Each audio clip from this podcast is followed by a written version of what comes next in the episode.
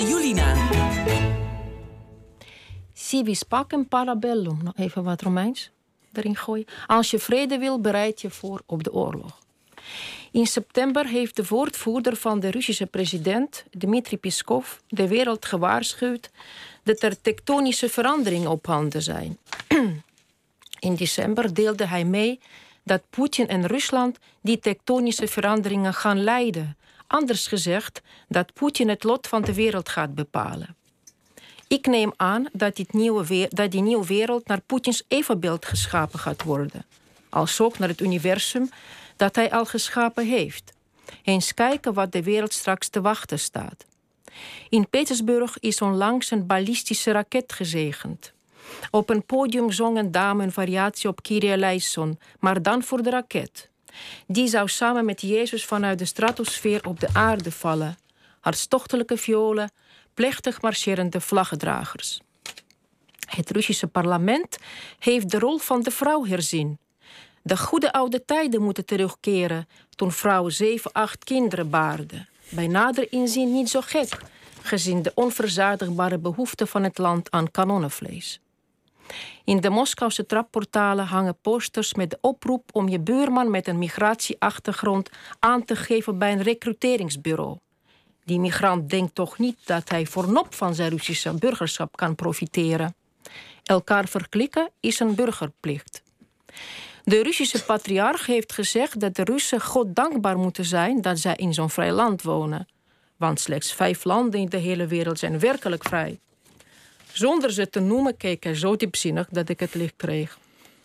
Behalve Rusland, Noord-Korea, Iran, Syrië, Myanmar en oh ja, nog Afghanistan. Bij moskeeën worden uit vrijdaggebed razzia's uitgevoerd en worden alle mannen naar een recruteringsbureau afgevoerd. Wie weigert om naar het front te gaan, moet zijn verse Russische paspoort inleveren. In Jaroslavl loopt een serie moordenaar vrij rond, die op beestachtige wijze vier pubers heeft vermoord. Met het Oekraïense bloed heeft hij zijn zondes gewassen en hij wordt nu als een held vereerd. Hij is een van de velen. Alexei Gorinov, een gemeenteraadslid van Moskou, die zich tegen de oorlog heeft uitgesproken, crepeert in de cel.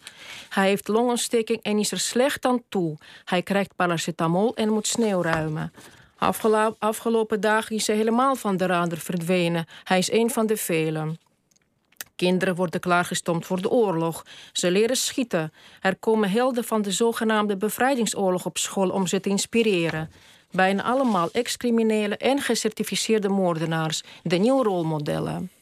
Huiselijk geweld schiet omhoog. Op wie anders moeten de oorlogshelden hun trauma's afreageren dan op hun vrouwen? Het plegen van huiselijk geweld valt niet meer onder het strafrecht, want een vrouw moet haar plaats kennen in de nieuwe wereld. Ik zou honderden columns kunnen vullen met de geneugtes van die nieuwe wereld. En ik heb het hier niet eens over het onnoembare leed van Oekraïne. In ons land is de regering nog niet gevormd, maar de nieuwe Kamerleden roeren zich al. Geen geld en wapens meer voor Oekraïne. Het geweld moet stoppen. Kennen ze, het geschiedenis, kennen ze hun geschiedenis dan niet? Met het absolute kwaad onderhandel je niet, daar vecht je tegen. Vadertje Mark, vadertje Mark, waarom hebt gij ons verlaten? Nee, dan Monique, mijn kapster van 23. Natuurlijk mogen we Oekraïne niet in de steek laten, roept zij. Die oorlog is zo dichtbij. Als Oekraïne verliest, dan is zij niet meer te stoppen. Dank je, Sarah. Dit